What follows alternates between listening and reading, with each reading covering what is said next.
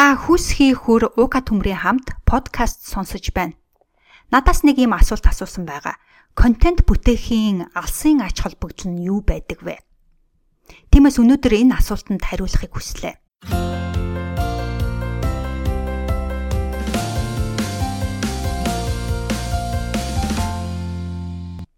Контент бүтээхийн алсын ач холбогдол нь юу байдаг вэ? Хэрвээ та хувийнхаа брендийг бүтээх хүсэлтэй байгаа бол Хэрвээ та өөрийгөө бусдад болон зах зээл дээр таниулах хүсэлтэй байгаа бол хэрвээ та өөрийгөө болон бизнесээ сурталчлах хүсэлтэй байгаа бол эсвэл та бизнестэй түүнийг олон хүнд хүргэх хүсэлтэй байгаа бол хэрвээ та сошиал медианууд дээр Facebook дээр, Instagram дээр, Twitter дээр олон фолловерстой болох хүсэлтэй байгаа бол хэрвээ та вебсайт руугаа трафик буюу олон хүн татах хүсэлтэй байгаа бол таны вебсайт руу олон хүн ороосоо гэж бодож байгаа бол хэрвээ та мэддэг чаддгаа бусадтай хуваалцах хүсэлтэй байгаа бол хэрвээ та бусдын үн цэнийг дээшлүүлэхэд нь хувь нэмрээ оруулах хүсэлтэй байгаа бол хэрвээ та бусдад тулгараад байгаа асуудлыг шийдвэрлэх хүсэлтэй байгаа бол хэрвээ та өөрийн үзэл бодол дуу хоолойгоо бусдад түгээх хүсэлтэй байгаа бол эсвэл таны гаргасан алдааг бусад битгий давтаасаа гэж бодоод тэр тухайга олон хүнд хүргэх хүсэлтэй байгаа бол хэрвээ танд бусадтай хуваалцах ямар нэгэн үн цэнтэй зүйл байгаа бол та өнөөдрөөс контент бүтээж эхлэх нь зүйтэй. Контент гэдэг нь цоо шин юм биш. Таны сошиал медиа дээр үзэж байгаа бүх төрлийн постууд үүнд видео постууд орно, аудио постууд орно, нийтлэлүүд орно, зураг орно, инфографикууд орно, YouTube дээр үзэж байгаа бүх төрлийн бичлэгүүд орно, тийм ээ.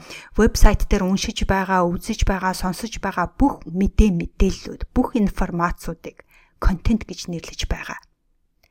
Блог, влог, подкаст дээр байрлуулж байгаа мэдээллүүд бол бүгдээрээ контентууд. Мөн таны өөрийн постлж байгаа постууд чинь ч гэсэн сошиал медиуд дээр постлоод байгаа тэр постууд чинь ч гэсэн бүгдээрээ контентэд орно. Контентыг хинч бүтээж болно. Тиймээс контент гэдэг нь цоо шин юм биш. Угаасаа байсан. Зүгээр англи нэр нь контент гэж ойлгож болно. C O N T E N T контент. Миний хувьд бол би YouTube дээр видео контент оруулдаг, подкаст дээр аудио контент оруулдаг, вебсайт дээр нийтлэл хэлбэрээр контентууд оруулдаг.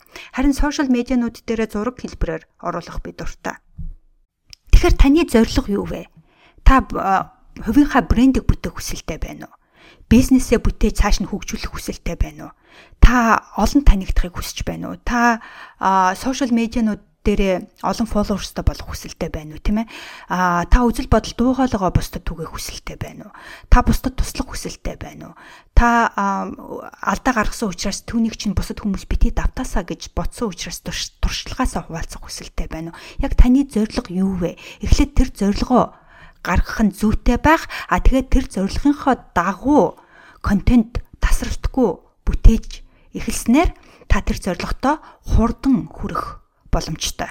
Миний хувьд бол яагаад анх контент бүтээж эхэлсэн бэ? Миний контент бүтээх зорилго юу байсан бэ гэвэл хувь хүний хөгжлийн тухай олон хүнд хүргэх зорилготой байсан өөрийгөө өөрчилснээр тийм ээ өөрийгөө цааш нь хөгжүүлснээр амьдралаа өөрчилж амьдралаа сайхан болгох боломжтой байдаг юм шүү гэдгийг би олон хүнд түгээх хүсэлтэй байсан. Тийм ч учраас би видео контентууд бүтээж эхэлсэн, аудио контентууд мөн нийтлэлүүд тийм ээ өөрийнхөө вебсайтаараа дамжуулаад нийтлэлүүд бичиж олон хүмүүстэд хүргэх хүргэж эхэлсэн л те. Тэгэхээр танаас асуух асуулт байна. Таны зорилго юу вэ?